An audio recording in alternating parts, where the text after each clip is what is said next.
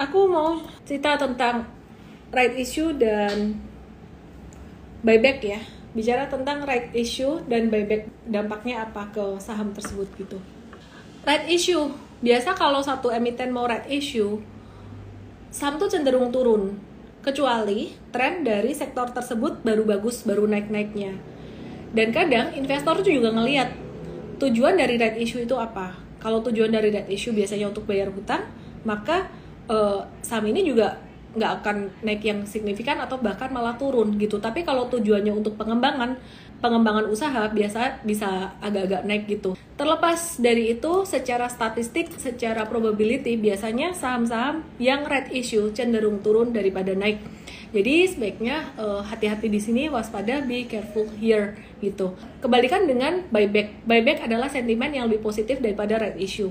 Jadi red issue itu artinya menerbitkan saham baru gitu guys. Jadi ngejual atau nerbitin saham baru. Sedangkan kalau buyback ya membeli saham yang udah beredar di publik gitu. Sentimennya biasa lebih positif. Uh, kenapa? Karena kalau buyback artinya perusahaan itu masih suka dengan saham ini ya dia sendiri gitu. Jadi dia beli balik tuh jadi satu sentimen yang cukup bagus. Selain itu dilihat dari dilusinya. Kalau buyback itu ada satu dilusi positif sedangkan kalau right issue menimbulkan satu dilusi negatif.